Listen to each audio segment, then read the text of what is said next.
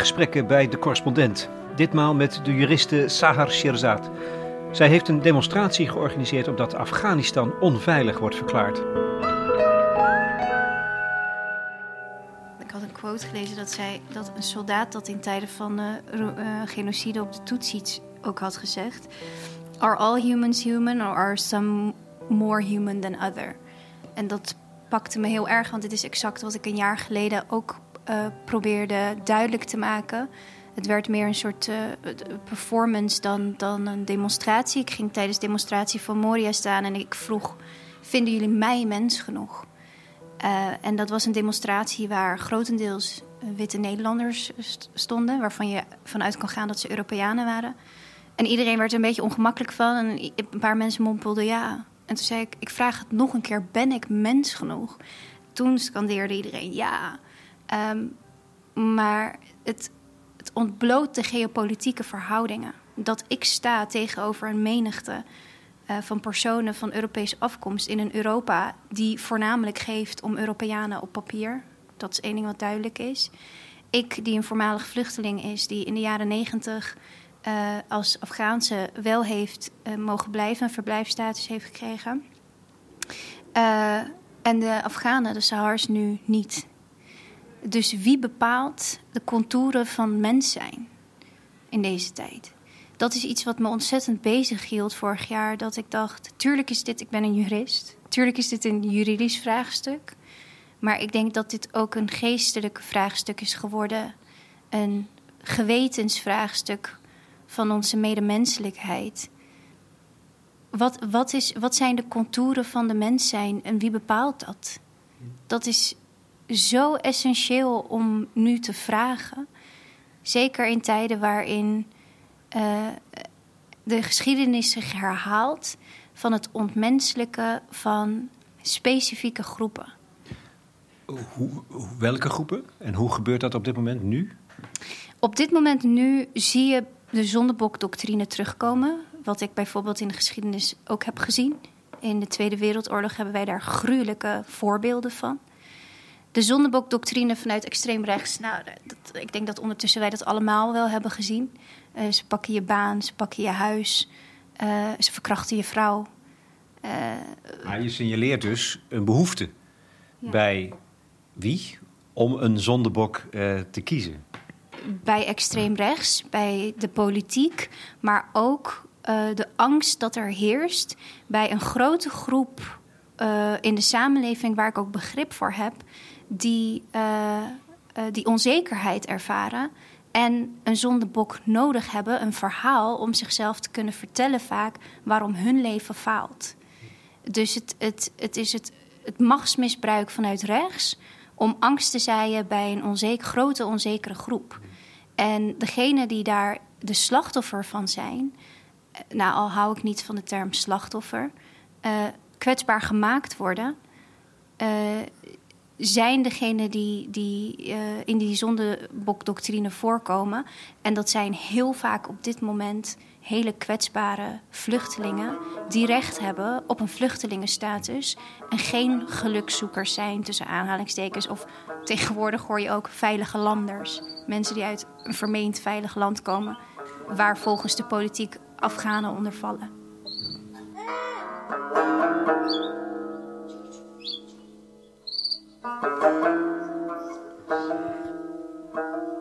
Sahar Shirzad is juriste en programmamaker. Ze noemt zichzelf Refugee Millennial. Dat wil zeggen, een succesvol product van het terughoudend beleid. Zoals ze dat met gevoel voor cynisme heeft genoemd. Het gaat om mensen die zijn geboren in de jaren 80, 90 en hun roots hebben liggen in conflictlanden. Sahar Shirzad is zelf geboren in Afghanistan. Haar ouders vluchtten naar Nederland toen zij zeven jaar oud was. Voor zaterdag 28 augustus, dat is de dag waarop deze podcast wordt gepubliceerd, heeft ze een demonstratie georganiseerd op de Dam.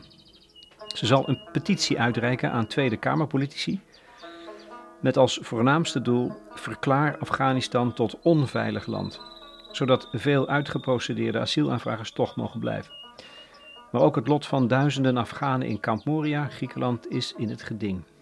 En dieper gelegen is die uitermate confronterende vraag aan iedereen, alle andere Nederlanders: ben ik mens genoeg?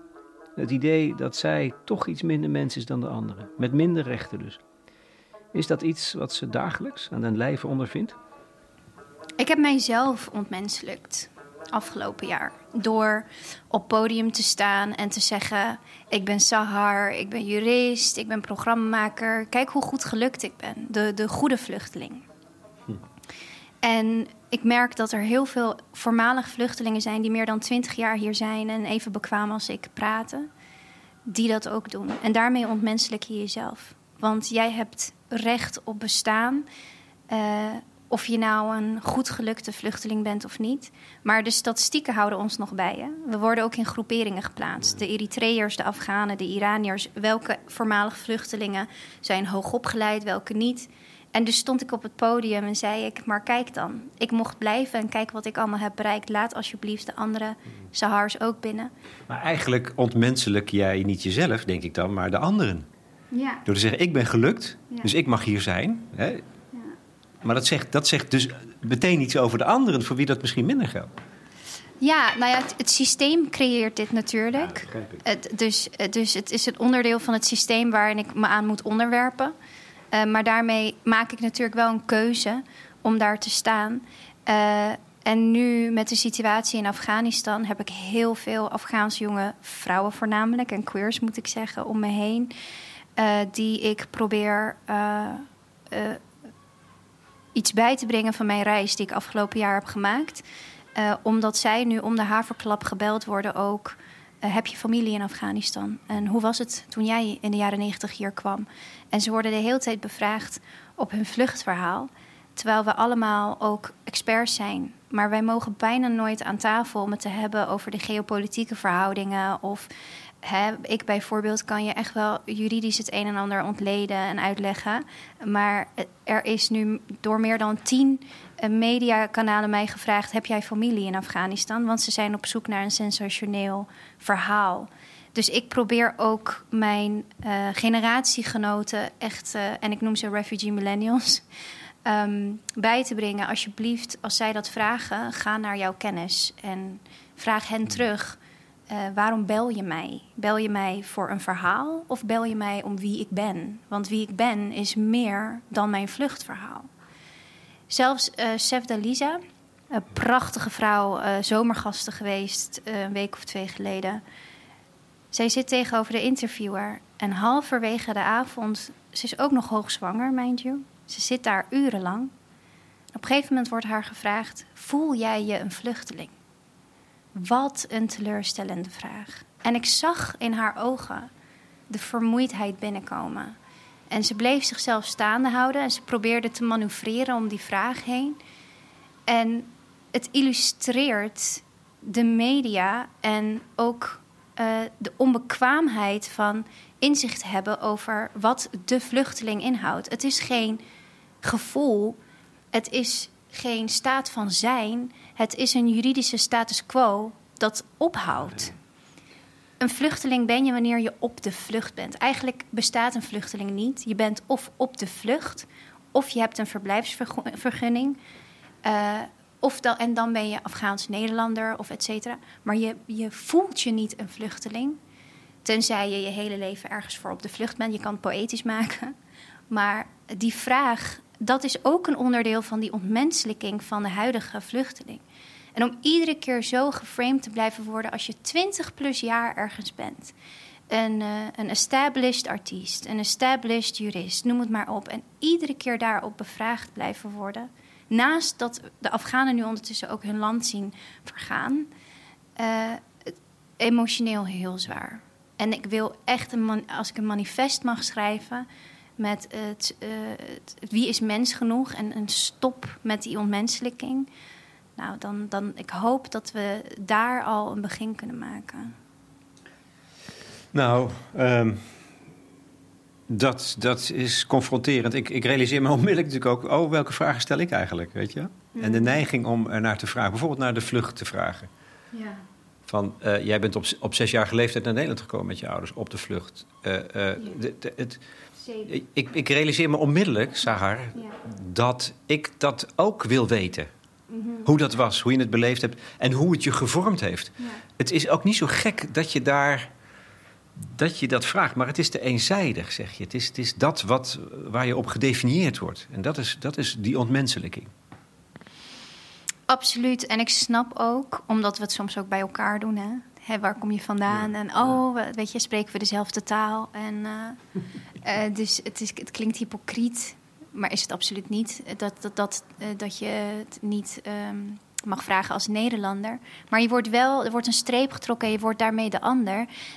en wat er het een extra dimensie geeft bij een vluchtverleden hebben, is de meest gestelde vraag aan een vluchteling.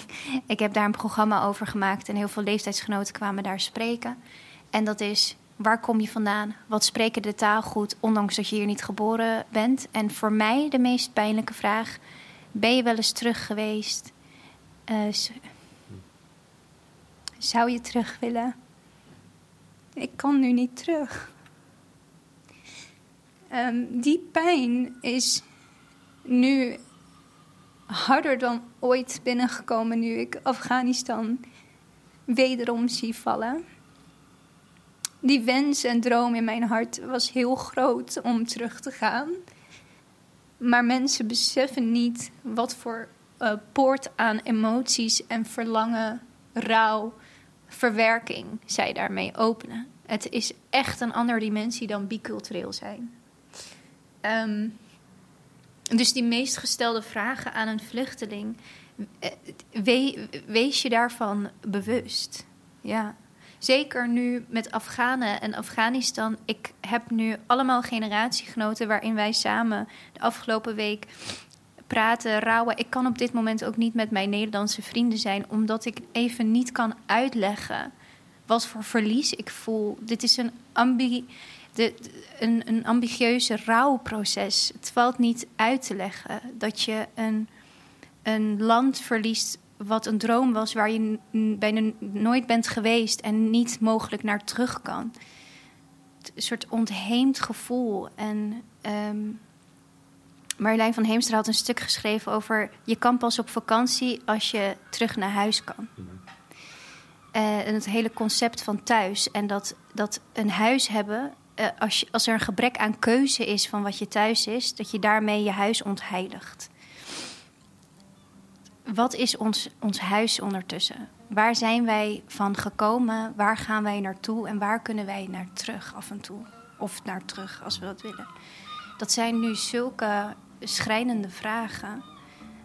Um, ja, dus voor de Afghaan nu op dit moment is daar natuurlijk ook nog weer nog meer diepere lagen aan toegevoegd.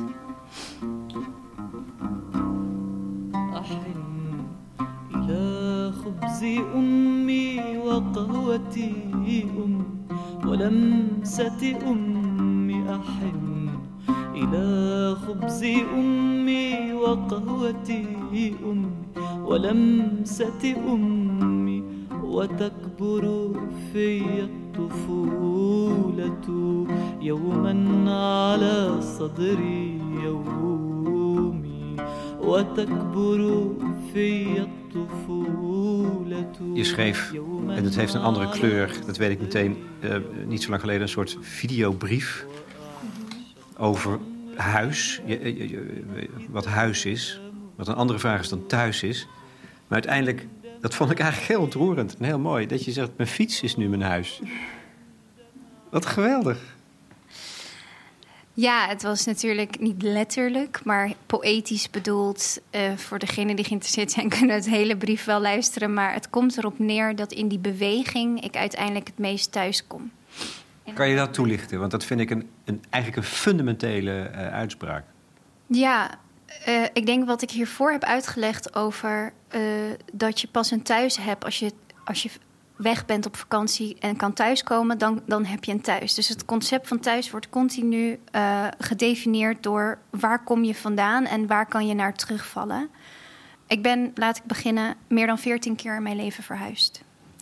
En ik heb voor het eerst ervaren in mijn stad nu Den Haag dat ik langer dan, um, ik denk, twee jaar op één plek heb kunnen wonen. Uh, en vorig jaar raakte ik mijn koophuis kwijt in, in verband met nou ja, COVID en allerlei omstandigheden. Uh, dus, dus het concept van thuis ging ik compleet herdefiniëren. Ik ging bij mezelf na waar ik in mijn kindertijd ben opgegroeid, wat voor mij toen het concept van thuis was. En uh, nu als volwassene, hoe ongrijpbaar het is. Ik heb in mijn studententijd heel erg proberen te zoeken in vrienden, in, in studie, in, in, in van alles. En het kwam maar niet. En toen probeerde ik het in stenen te vinden door een koophuis te hebben en in een persoon, in een geliefde. En iedere keer merk je dat het niet onvoorwaardelijk is. En ik ben ergens op zoek naar die onvoorwaardelijkheid om mijn, om mijn thuis te kunnen uh, noemen. En ik kwam nog iets tegen van. Een huis is ook tastbare muren die beschermen tegen onwerkelijke chaos van buiten. Um, maar de chaos kwam binnen bij mij. Dus op een gegeven moment kan je jezelf ook niet van die chaos beschermen door je verleden, door alles wat er uiteindelijk toch binnenkomt. Dus ik besefte al schrijvend, volgens mij kom ik thuis uh, bewegend, uh, uh, trappend op mijn fiets, de beweging van mijn huis achterna. Hmm. Dus het, mijn, mijn huis, denk ik, zal nooit tastbaar worden. En, en daarin, in dat idee probeer ik nu thuis te komen. Sorry. Nee, ik, ik denk altijd, bewegen, leven is bewegen daar kom je dan toch bij de essentie heel dicht. Voor iemand die gedwongen heeft moeten bewegen in je jeugd, probeer je denk ik als volwassene het juist te kunnen controleren en te mogen aarden. Uh, dus dan kom ik weer terug op de keuze. Daarom zeg ik, uh, als er een gebrek aan keuze is bij het vormen van je gevoel van thuis, dan zal je het moeilijker krijgen met het definiëren van wat thuis is. Al de vluchtelingen nu hebben geen keuze. Ik als kind dat veertien keer moest verhuizen had geen keuze. Dus mijn concept van thuis is niet een vrij geprivilegeerd iets wat ik mag invullen. Het is niet dat ik uh, veilig en beschermd in één dorp ergens in Nederland geboren getogen ben en uiteindelijk denk ik ga de wereld in. En in die beweging vind ik mijn huis in een wereldreis. Of, hè. Het is het is een gebrek aan keuze geweest. Dus dan voelt het anders. Ja. Ik zeg het eigenlijk ook altijd. Als ik ergens een fiets kan huren, of het nou Japan is of waar dan ook, dan zeg ik het letterlijk hetzelfde. Dan ben ik thuis. Ja. ja, en in die brief zeg ik ook: misschien ben jij ook iets meer in mij dan ik in jou. Dus het is niet zo dat ik in een huis ben, maar mijn thuis is in mij. En in mij zit die liefde van bewegen, van, van, van die fiets dus. En het was op bevrijdingsdag en ik voelde me heel erg verbonden ook met de Nederlanders toen in de tijden van de Tweede Wereldoorlog, waarin de Duitsers hun fietsen hadden geconfiskeerd. En toen kwam er ook dus een soort enorme rebelse beweging. Dus die Nederlander in mij zit er echt wel, die heel erg hartstochtelijk de fiets vasthoudt. ja. Je noemde het net, het laatste jaar, eh, Sahar. Sahar Shirzad. Een reis. En vanaf dat moment dat je dacht, ik ontmenselijk mijzelf, eh, is er een reis begonnen. Wat, wat houdt die in? Poeh. En ik had het gevoel dat ik nu al heel poëtisch uh, aan het worden was. Ik hoop niet dat het te, te erg abstraheert. we gaan het ook zo wel weer concreter maken. Dat snap ik dat het ook nodig ja. is. Um, er begon een reis voor mij waarin ik moest leren voor mezelf te zorgen. Want het hoogst haalbare doel in strijden voor rechtvaardigheid, want dat is natuurlijk wat ik aan het doen was. Dit was in tijden van de brand in Moria en ik stond op de barricades en ik wilde bijna uit frustratie, nou niet mezelf slaan, maar wel gewoon schreeuwen: waar zijn we mee bezig? Hoe kan dit? Uh, maar de hoogste doel haalbaar is niet zelfopoffering. En dat moest ik heel erg leren in die reis. Dat ik mezelf niet moet opofferen op die barricades. En dat was ik wel gedeeltelijk aan het doen door mijn karakter, mijn zijn, mijn succes te ontleden voor mensen. Uh, en goed te leren voor mezelf daarin te zorgen. Want nu ook wat er gebeurt in Afghanistan. Uh, er zit zo'n enorme. En ik heb een hekel aan die term, maar ik kan nu even niet op een betere komen.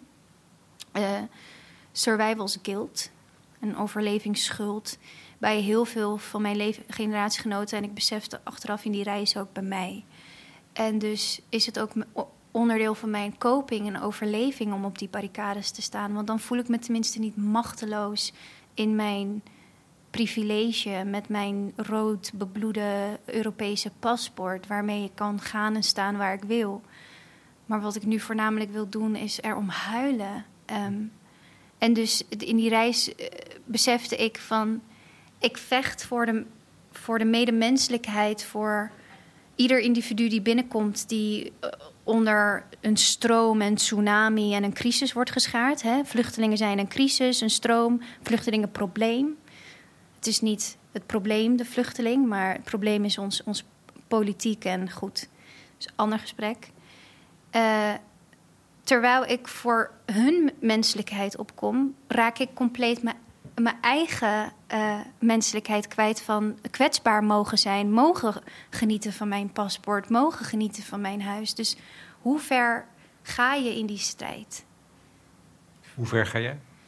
Nou, ik was mezelf af en toe wel verloren erin. En, uh, en hoe is dat nu?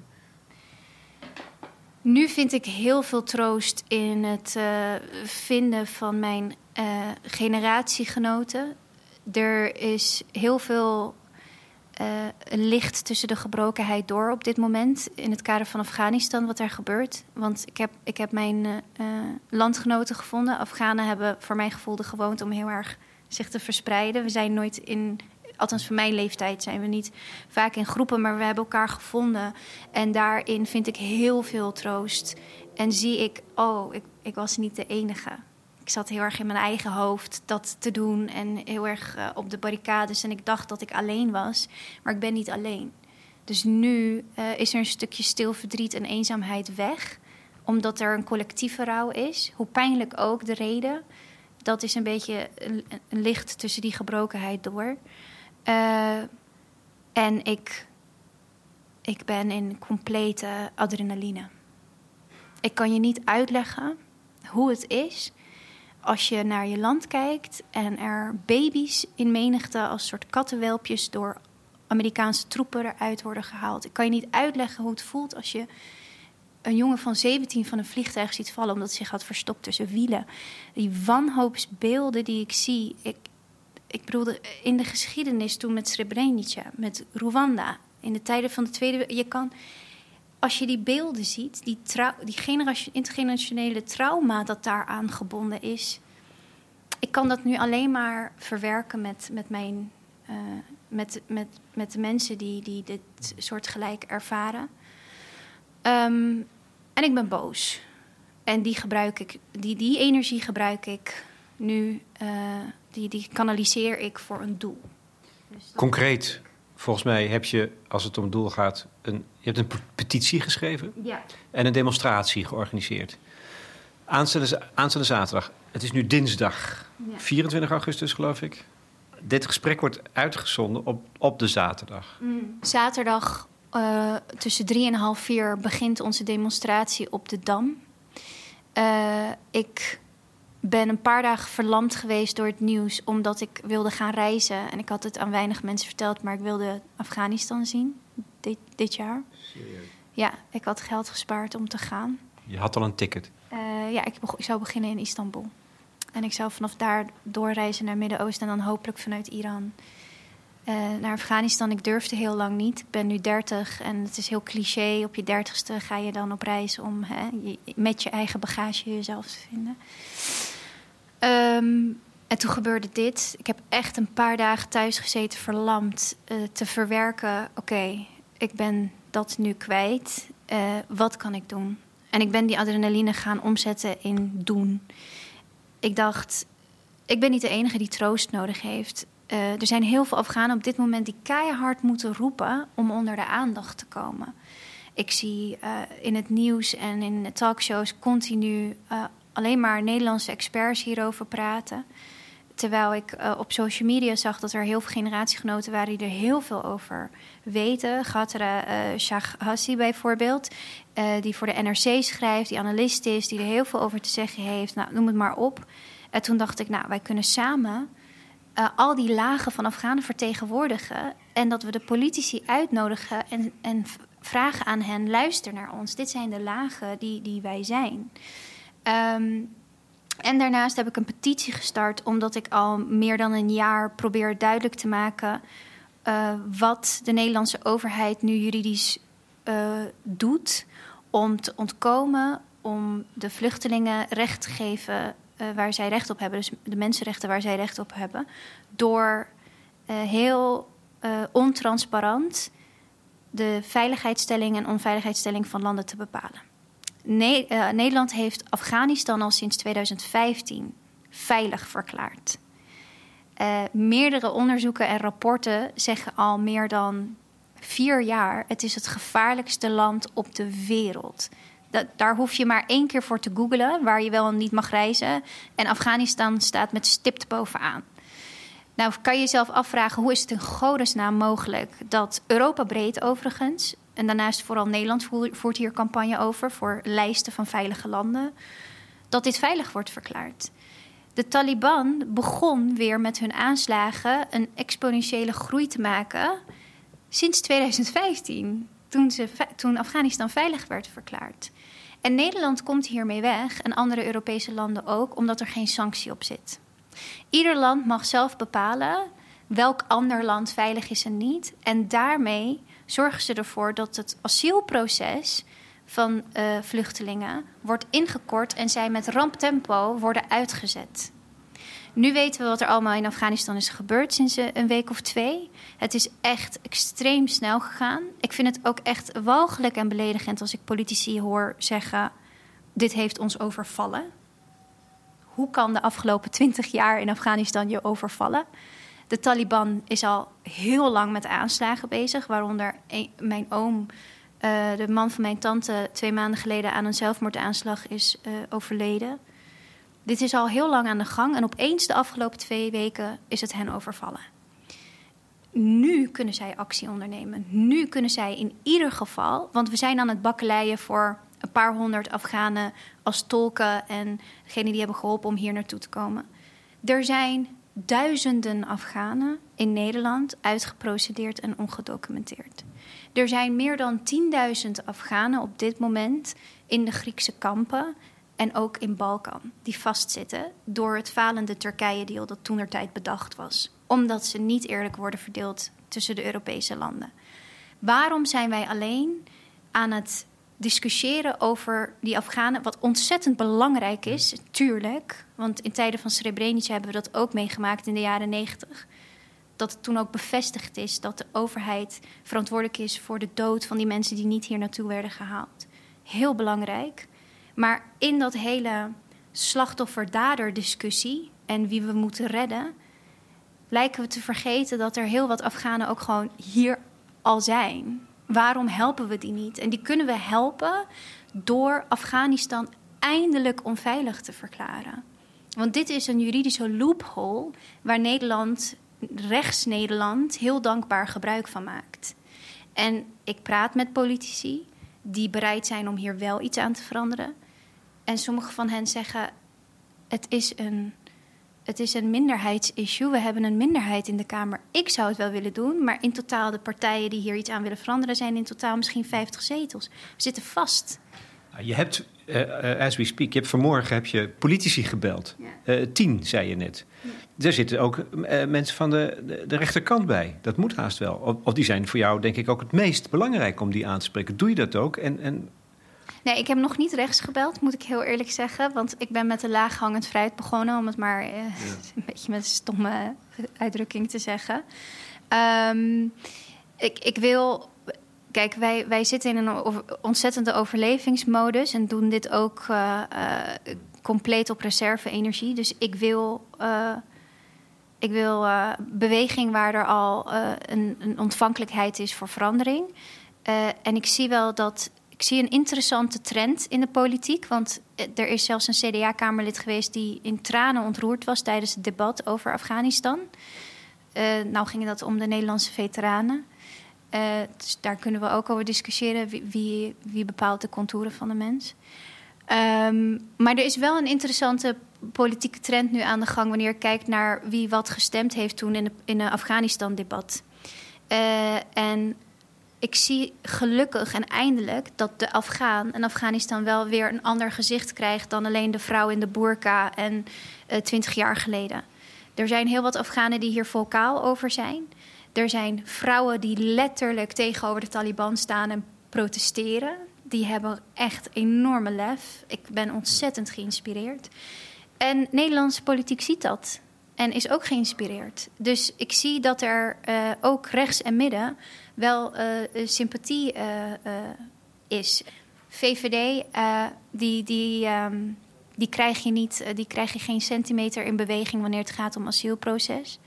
Ik zie wel dat er echt een enorme 360 graden plan is uitbedacht. Want alles komt nu samen. Gisteren is er ook al een nieuws uitgekomen dat uh, er een plan op gang is gezet, zonder dat de Kamer daar, uh, zonder dat dat duidelijk was, van uh, Anke Broekers-Knol, dat alleenstaande minderjarige vluchtelingen geen gezinshereniging meer mogen aanvragen. Even een noodzakelijk terzijde. Later op diezelfde dag, dinsdag dus, heeft Ankie Broekers-Knol haar plan ook weer ingetrokken. Dit is allemaal uitgedacht. Wat ze willen doen de hele tijd is verschrikking, verschrik, verschrikking. In het Engels is het deterrence, deterrence, deterrence. De hele tijd voor de vluchteling. Wie dat mogen zijn volgens de rechtspolitiek. Uh, er zijn ontzettend veel Afghaanse minderjarige alleenstaande jongens die ook binnen zijn gekomen in Nederland en in Europa. En waarom worden zij op de vlucht? Uh, uh, waarom, wanneer, waarom komen zij als eerst? Want dat is ook heel vaak eh, de discussie waar populisme gebruik van maakt. Maar we zien alleen maar mannen in de boot. En waarom komen dan alle mannen als het gaat om kwetsbare en vrouwen en kinderen? Nou, die jongens die worden natuurlijk als eerst gestuurd. Want je ziet al de beelden van Afghanistan. Baby's redden het toen niet eens bij Kabul Airport. Sommigen moesten zonder hun kind verder reizen. Dus zij sturen het min, tussen aanhalingstekens minst kwetsbare... om dan die gezinshereniging aan te vragen. En wat zegt Ankie Broekers-Knol? Dat gaan we ook niet meer doen. Dus wat moeten al die alleenstaande jongens nu, die aan het rouwen zijn, want ze zien hun land vallen, die hun familie niet eens meer hier naartoe kunnen krijgen?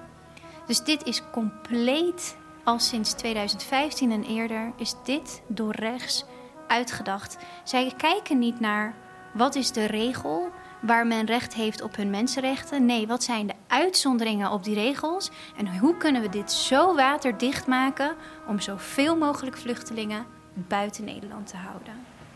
بی آشیانه گشتم خانه به خانه گشتم بی تو همیشه بگم غم شانه به شانه گشتم عشق یگانه ای من از تو نشانه ای من بی تو نمک ندارم بی آشیانه گشتم خانه به خانه گشتم I have become homeless. I have moved from one home to another. بی تو همیشه با غم شانه به شانه گشتم. Without you, I have always been with sorrow shoulder to shoulder. Hierin wordt er eigenlijk al gezegd, schouder aan schouder. Hè? Dit is een beetje de Afghaanse lot. Ik ben op zoek de hele tijd van huis naar huis, op zoek naar jou. Het komt heel erg overheen met die brief die ik heb geschreven. Het is een lied in de jaren negentig geschreven toen ik veel te jong was om het te begrijpen. En het resoneert meer dan ooit. Dus blijkbaar hè, is dit iets wat vroet in, in ieder Afghaan op den duur als je het, uh, als je het mij vraagt. عشق یگانه من از تو نشانه من به تو نمک ندارد شعر ترانه من My only love, my existence, my poems and songs have no meaning without you. Dus het is echt een soort liefdesverklaring aan, aan, jou, aan jouw thuisland. Zonder jou hebben mijn gedichten geen betekenis. Zonder jou he, um, hebben mijn, mijn liederen geen betekenis. Dus سرزمین من خسته خسته از جفای سرزمین من به سرود و به صدای سرزمین من dardmande bedavoye سرزمین man. Mijn land, wie zingt jou, uh, jouw lijden? Mijn land, wie heeft jouw weg geopend? Uh, mijn land, wie is loyaal aan jou geweest? Dit is het refrein. En dit zullen we allemaal op de Dam zingen voor Afghanistan en voor onze mensen in Afghanistan. En ik hoop dat er veel mensen met ons daarin meezingen.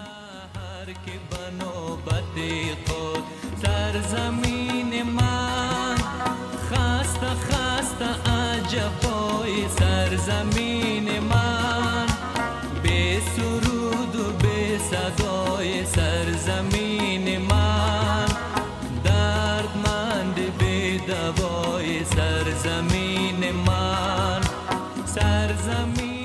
hoeveel, hoeveel mensen wil je dat er komen naar de Dam?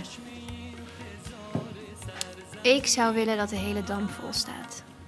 Ik zou willen dat de Afghanen eindelijk die solidariteit voelen. Want er zijn hier en daar natuurlijk wel geluiden. Geluiden van uh, medeleven, uh, steun, uh, maar ook schaamte, merk ik ook wel bij best wel wat mensen. Over Afghanistan, van hoe hebben we eigenlijk, hoe, hoe, hoe kan dit, wat hebben we gedaan? Um, maar het is allemaal niet echt zichtbaar. In heel veel activistische bewegingen afgelopen jaar, waarbij ik voornamelijk bij die van Moria heb gestaan en gevochten, ook zeker omdat dat ook het vraagstuk waar we het over hebben gehad aangaat. Uh, vaak bij, bij Afghanistan is, is het niet, lijkt het niet zichtbaar wie er solidair naast ons staan. Um, het lijkt wel alsof wij daar echt om moeten schreeuwen. Dus het zou alleen al helend zijn en troostend als we zien dat, uh, dat het mensen raakt. Dat, en dus dat geeft ons een stukje menselijkheid terug. Uh, nieuwsrapporten hebben dankbaar gebruik gemaakt van sensatiebeelden. En ik noem dat met een heel vies woord pijnporno. Um, ja, uh, maar dat, daar hebben ze heel dankbaar gebruik van gemaakt. Dus, dus uh, in de media zien we echt een soort menigte aan, aan mensen in die vliegtuigen. Alsof het cellen zijn niet eens meer mensen. En nou ja, zoals ik al eerder net zei, beelden van, van baby's die als welpjes worden gepakt, Afghanen die van vliegtuigen vallen, uh, Afghanen die doodgeschoten worden op het vliegveld. Wat, wat is de waarde van de Afghaan dan nog? Dus ik hoop dat ze komen, want tijdens de demonstraties zullen er sprekers zijn die één voor één die verschillende lagen van de Afghaan ook laten zien. Het is niet alleen die, die, die Afghaan die je zo in beeld ziet, uh, waarvan het leven evenveel waard is als die van ons. Maar het zijn ook wij die verhalen hebben hier, die al 20 plus jaar hier in Nederland zijn. En met wat voor ogen kijken wij ernaar? En laten we samen daar staan. Dat is één kant ervan. Een tweede is dat wij de politiek hebben uitgenodigd om naar deze verhalen te luisteren. En de petitie over het onveiligstellen van Afghanistan uh, in ontvangst te nemen.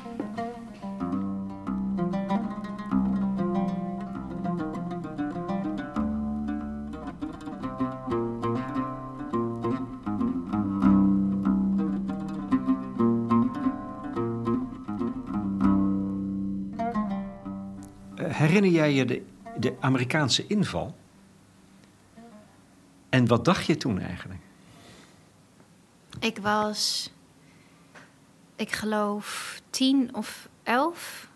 Um, en ik kwam terug van basisschool, het was half vier of zo. En toen maakte ik het pas mee. Dus ik weet niet, de tv ging aan en het gebeurde. En ik was me toen er totaal niet van bewust dat mijn land van herkomst daarmee betrokken was. Ik was een basisscholier die maar een paar jaar in Nederland was. Dus ik was druk met Nederlands leren en me aanpassen. En toen kwam ik op school en mijn juf ging het op het krijtbord uittekenen, weet ik nog. Uh, en de kinderen hadden voornamelijk vragen: waarom gingen die mensen van het, van het gebouw er afspringen? Waarom gingen ze zelfmoord plegen? Dus zij ging uitleggen wat er met dat vliegtuig was gebeurd. En dat kan ik me nog heel helder herinneren: dat ik ook vragen had van wat, wat gebeurde daar precies? Um, en toen herinnerde ik me dat mijn vader me uiteindelijk probeerde uit te leggen dat, dat er lijnen zijn met, met mijn land. Uh, en toen binnen een jaar of twee ben ik, uh, begon ik gepest te worden op, op uh, de schoolplein. dat ik, dat ik Taliban ben en oh, familie van Osama bin Laden en Al-Qaeda. En de kinderen hadden al heel gauw die terreurnamen in hun hoofd. Uh, en als je dan Afghaans was, of enigszins van kleur of betrokken bij dat onderwerp, dan werd je, dan werd je al heel gauw gepest. Dus ik, ik weet nog dat ik als kind echt het vreselijk vond dat ik Afghaans was omdat dat één op één werd, uh, in één lijn werd getrokken met uh, een, een terroristenland zijn. Terwijl wij een onuitgenodigde gast hadden, helaas. Zo noem je, ja, ja, ik dacht even dat je, ja, ik dacht dat je Amerika bedoelde. Nee, ook. De, ook. Ook. Ja, allemaal. Al die troepen. Kijk, Afghanistan, je moet je echt in een 40 jaar geschiedenis gaan verdiepen om de geopolitieke verhoudingen helder te hebben. Van een koning tot aan een koep, tot aan uh, vervolgens uh, Westen die ermee. En het Azië heeft zich ook natuurlijk, China, Rusland. Maar ik hoor Bette Dam ook gisteren bijvoorbeeld zeggen... ja, de Taliban dat bestaat ook uit uh, jongens die uit dorpen zijn gehaald. Voor een deel dan, hè? Voor een deel, ja. Uh, die uh, nooit een buitenlander hebben gezien. En, en zo heeft iedereen een eigen verhaal over Afghanistan. en wanneer ik journalisten hoor praten, voornamelijk Nederlandse journalisten... die bijvoorbeeld een paar jaar in Afghanistan hebben gewoond... het is een, een, zelf programmamaker, het is een enorme redactiegewoonte om uh, een persoon te bellen. En het is de redactiegewoonte van de tv heel erg om ook een persoon te bellen die volgens hen een emotionele afstand heeft tot het onderwerp. En dat ben je vaak als je dan niet uit dat land komt. En die heeft dan een paar jaar in dat land gewoond en dan kan je daar heel goed over praten. Overigens vind ik dat Bette heel bekwaam is en heel, hele terechte punten maakt. Maar haar hele betoog bijvoorbeeld nu ook is: we hebben een verkeerd beeld van de Afghaan. We moeten oppassen met de single story en niet één verhaal bekrachtigen. Um, en de Afghaan leren kennen hierin, de echte Afghaan. Maar zij heeft niet door dat zij zelf daar ook dus ertussen zit. En dat zij daarin ook opzij moet gaan om de echte Afghaan te leren kennen. En zij heel erg culturele interpretaties maakt die niet altijd correct kunnen zijn als niet-Afghaan. Dus daarin. Ze pleit er wel voor, hè? Voor, voor dat soort redacties. Ja. Die eigenlijk er, erboven zweven, zei ze letterlijk. En die, uh, die veelkleurig zijn. En juist niet alleen maar wit. Zij verontschuldigt zich eigenlijk ook voor haar eigen positie, bijna met zoveel woorden. Ja, ja, dat snap ik. Dan zou ik heel graag met haar uh, contact willen leggen. Dat zij een aantal Afghaanse jonge vrouwen heeft die aangedragen kunnen worden als analist, journalist, die heel veel over kunnen vertellen. Wat ik overigens niet ben, hè. Maar uh, dus, uh, maar, maar in, Nederland, in Nederland bedoel je? In Nederland, zeker. Ja, ja, zeker. Die hier ook over schrijven. Die een betere culturele interpretatie kunnen maken ook over wat er speelt. Ja. Ja, je bent geen analist, zeg je. Over, uh, want ik vroeg je namelijk van, wat dacht je toen bij de Amerikaanse inval? En toen was te jong eigenlijk om te beseffen. Maar als je daar nu, nu naar terugkijkt, hoe, hoe zie je dat dan? Ja, nu ondertussen heb ik nu kan ik heel erg een hartstochtelijk betoog eh, houden tegen uh, het imperialisme, kapitalisme. Mijn socialistenhart breekt. Ik bedoel, ik heb me verdiept in de geschiedenis. En uh, voor mij, wat persoonlijk Afghanistan kwetsbaar heeft gemaakt, is dat voor heel lang er een focus op Kabul is. En op hoofdsteden en een paar hoofdrolspelers daar. Terwijl er een enorme uh, ongelijkheid in sociale klassen is geweest door de geschiedenis heen. Afghanistan heeft heel erg geleden aan, aan armoede om die steden heen. In de tijden dat de koning er bijvoorbeeld ook was, werd het verwestelijke heel erg verheerlijkt. En het moderniseren werd de hele tijd erbij gehaald. Er zijn ook heel wat Afghanen die beelden delen van Afghanistan. Van hoe het was voor de Taliban. En dan zie je zwart-witte foto's met vrouwen in rokken en dus vrijheid. En uh, ik ben het daar niet zo mee eens om dat te verheerlijken, omdat we daarmee vergeten dat heel veel dorpen en plekken om die gemoderniseerde, tussen aanhalingstekens, eromheen, uh, enorm hebben geleden aan armoede. En dat daar de boosheid zat. En terechte boosheid. Want er was een, een hele kleine elitegroep die geen oog had voor wat daar omheen gebeurde. Nou kan je je mening hebben over dat zij conservatief waren en ongeschoold of noem het maar op. Weet ik niet, nogmaals, ik ben geen deskundige. Maar die ongelijkheid, de sociale ongelijkheid, is vaak een voedingsbodem voor dit soort conflicten en, voor de, en, en die kwetsbaar gemaakte. Uh, ook een voedingsbodem voor misbruik van, van omgeving. En nou treffen we ook nog eens een geografische plek dat een makkelijke voedingsbodem was voor terreurorganisaties van buitenaf. Um, en goed, de, de, je kan documentaires en boeken lezen over hè, de vrijheidsstrijders, de Mujahideen, die, die vanuit Afghanistan zelf kwamen. Dat er daartussen natuurlijk ook conflict in is ontstaan. Uh, en dat er in de jaren negentig, zoals ik al zei, een onuitgenodigde gast, Osama bin Laden, ook nog eens een prominente rol in begon te spelen. Um, maar het begint voor mij wel bij sociale ongelijkheid, bij een elitegroep. En zolang er elite is en privilege en uh, een kleine groep versus een overgrote deel die daaronder moet lijden, zal er niet een oplossing zijn voor een land. En ik vrees dat dat keer op keer blijft gebeuren. Dat Amerika binnen is gevallen, is ook een groep elite die dachten het beter te weten.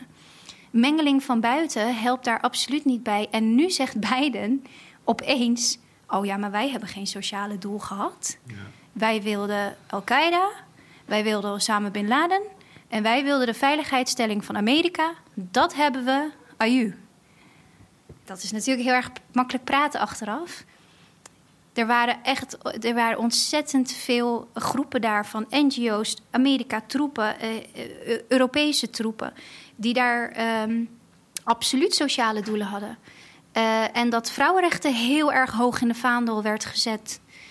Ik weet nog dat er op tv werd gevraagd aan, um, aan de minister van Defensie, Bijleveld. Uh, bij op één werd haar gevraagd toen de Nederlandse troepen werden teruggetrokken. Maar er worden vragen gesteld over de vrouwenrechten in Afghanistan. Uh, maakt u zich daar geen zorgen over? Dat zij dan uh, glashelder zei: ja, maar dat was niet het doel van onze missie. Dat is niet het doel geweest van onze missie. En opeens verandert dat verhaal om het, uh, om het gangbaar te maken wat, we daar überhaupt deden. Dus er is een complete soort nieuwe PR uh, aan de gang. Dus die inmengeling, dat, dat, ik denk dat je, niet, uh, dat je daarvoor niet een deskundige hoeft te zijn om te weten dat dit machtsmisbruik is geweest. En duidelijk andere doelen waren geweest. Um, en ik wil niet in conspiracy theories terechtkomen wat die doelen nou precies waren. Maar uh, sociaal waren ze niet. خذيني أمي إذا عدت يوما وشاحا لهدبك خذيني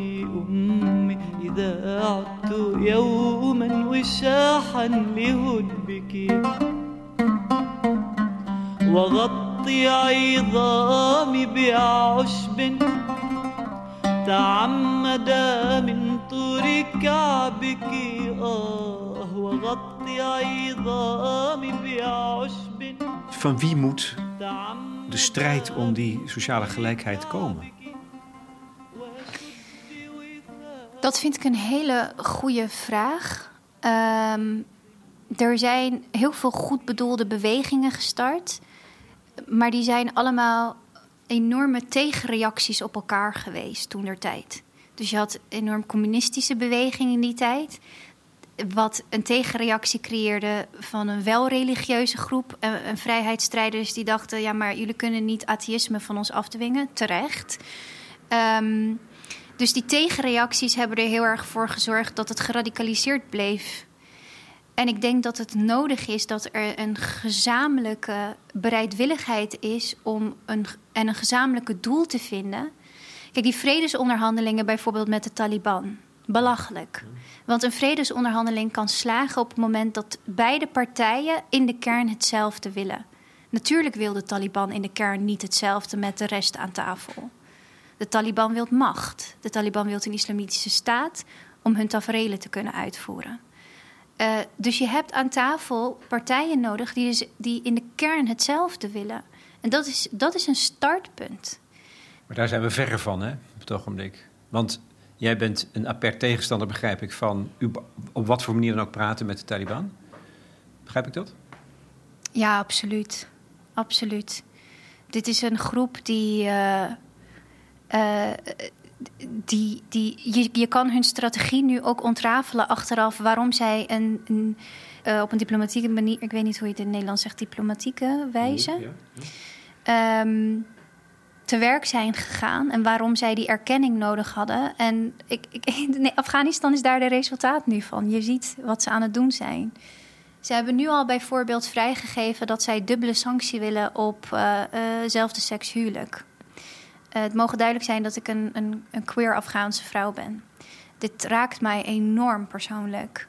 Uh, zij, zij, zullen, zij veranderen niet. Zij willen uh, duidelijk de wetten die zij zelf bedenken blijven hanteren. Dus hoe in godesnaam moeten wij hen erkenning geven? Nogmaals, als je in het internationale speelveld, of welk speelveld, politieke speelveld, deel wilt nemen, dan moet er ergens een kern zijn waarin je gelijkgestelde hebt. De Taliban is een, is een enorm extreme uh, uh, uiterste die niet overeenkomt met, ja, hoe wil je het noemen? Menswaardigheid. Het, is het, het, het zijn eh, extreem patriarchale, onderdrukkende, mensonterende ehm, uh, bewegingen die in de naam van God. En, het, het, en ik ben ook gelovig zelfs, dus dit raakt ook mijn gelovige hart. In de naam van, uh, van God uh, um, hun macht uitoefenen om de koninkrijk die zij voor ogen zien hier op aarde al te creëren. En daarvoor moeten zij ook ontmenselijken. En daarvoor moeten zij ontmenselijken. En het ironische hieraan is, is dat of je nou vanuit het Jodendom, Koran of Bijbel bekijkt, het koninkrijk hoor jij niet op aarde te creëren. Dat is schijnbaar in het hiernamaals. Daar, daar heb ik mijn bedenkingen wel over, maar als gelovige. Maar goed, dus het is natuurlijk ook super, een enorme paradox wat zij aan het doen zijn. De facto hebben zij nu de macht. En vooralsnog um, zitten zij wat dat betreft stevig in het zadel, zo lijkt het. Wat Bette ook zegt, van ja, je hebt er nu, nu mee te dealen met die beweging. Hoe dan ook, tenzij je opnieuw een oorlog wil beginnen. En ik denk niet dat er veel landen zijn die A in staat en B uh, bereid zijn om dat nu te doen. Dus dan moet je toch met ze op een of andere manier in gesprek. Uh, ja. Misschien zelfs wel in de hoop dat je nog iets kunt bereiken voor bijvoorbeeld vrouwen en, en de rechten voor vrouwen en kinderen. Ik denk dat ik niet uh, genoeg politiek onderlegd ben om. en ook niet diep genoeg over nagedacht heb om hier antwoord op te kunnen geven. Um, want ik zou absoluut niet willen zeggen uh, dat je radicaal nee moet zeggen en daarmee heel veel levens kan kosten. Of, of, rechten van vrouwen en ook jonge mannen, mind you. Want er zijn heel wat jonge mannen die hier ook onder lijden. Die wil ik ook altijd wel blijven benoemen. Uh, maar ik ben niet politiek onder, onderlegd genoeg om, om dit aan te geven. Behalve dat ik dat, je het dat ik het filosofisch zou kunnen bekijken van wat is de uitwerking van complete uitsluiting. Dat, dat werkt ook niet. Daar ben ik ook geen voorstander van. Um, maar ik vind dat. En je kan je afvragen hoe, hoeveel waarde en zin het heeft om nu achteraf dit te zeggen. Ik vind dat we hier twintig jaar geleden actie hadden op moeten uitvoeren. Femke Halsema, er is mooie beelden van beschikbaar. was op tv geweest deze week. Die met minister van Defensie in Afghanistan toen met de troepen eromheen fel in debat ging en zei: Mark my words, de Taliban komt en wacht af. En die zal over twintig jaar, wanneer die weg zijn. Dat was in Oeruzkan, toen de, schandelijke acties in Oeruzkan. Die zal terugkomen. Hoeveel civilian casualties heeft het Nederland uh, heeft, heeft Nederland verricht en, en Amerika en al die andere troepen en zoveel burgerdoden, zoveel oorlog gevoerd in dat land. Terwijl er vanaf het begin werd gezegd: de Taliban komt terug. Dus de schade is gericht, iedereen is weg om door de Taliban nog meer schade te laten richten. Dus dat gesprek over hadden we ze moeten erkennen, moest twintig jaar geleden uh, gevoerd worden, niet nu.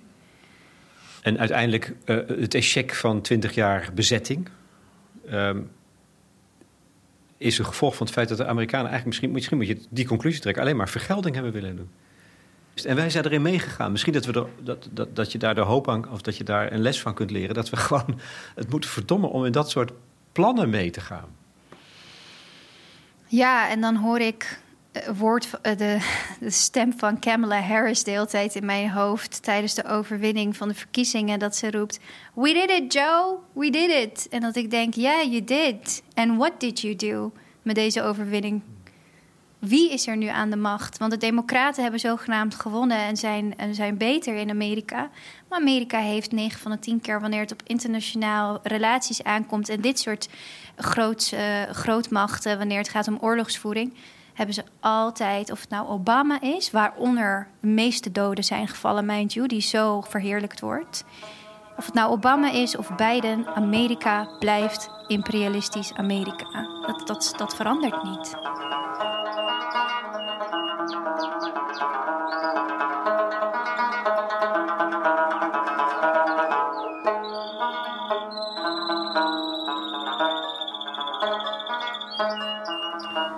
Hoe, ga, hoe ga je tot slot dan? Als je bij jezelf constateert, ik, ik, ik heb mijzelf ontmenselijkt. Wat doe je dan nu? Wat ga je dan nu? Wat blijf je dan nu doen om jezelf menselijk te houden? Wat ik eh, binnenkort ga doen, ik zou dus reizen. En dat heb ik uitgesteld om, uh, om actie te voeren voor, de, nou ja, voor Afghanistan en voor de Afghanen hier. Ehm, maar ik ga reizen. Na de demonstratie en na het petitie overhandigen stop ik even met, met die Sahar zijn. Die, die strijd voor rechtvaardigheid en echt even gewoon mens zijn.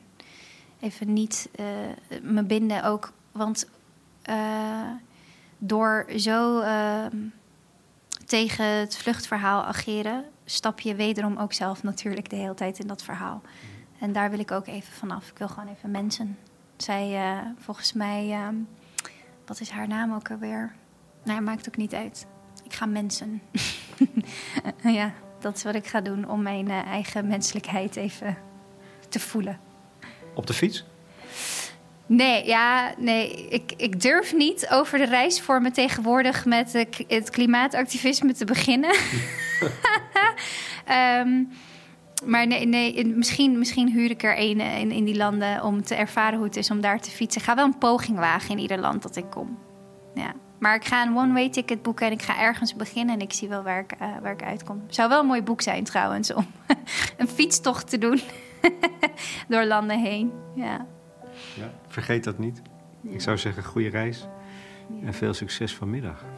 Dankjewel, heel erg bedankt. Ja, en komen hè? naar de Dam.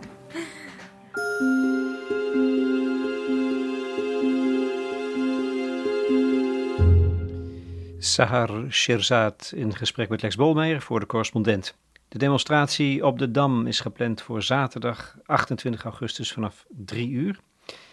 En de petitie die Sahar samen met een aantal andere millennial refugees heeft geschreven, vind je bij De Goede Zaak. We kunnen hierover doorpraten op ons platform. Dat is toegankelijk voor leden. En je bent al lid voor zeventientjes per jaar. Daar krijg je dan een jaar lang kwaliteitsjournalistiek voor voorbij de waan van de dag. Deze podcast vormt een soort tweeluik met die met Bette Dam, die een paar dagen geleden werd gepubliceerd. En de muziek tenslotte kwam uit Afghanistan. De rubab, een soort Afghaanse luid, werd bespeeld door Oestad Rahim Kuznawas. Je hoorde een favoriet liedje van Sahar, van Marcel Khalifa, Mijn Moeder, en Sarzamine Man van Dawood Sarkos. Dat wordt vanmiddag dus gezongen in Amsterdam. Luidkeels, naar ik hoop.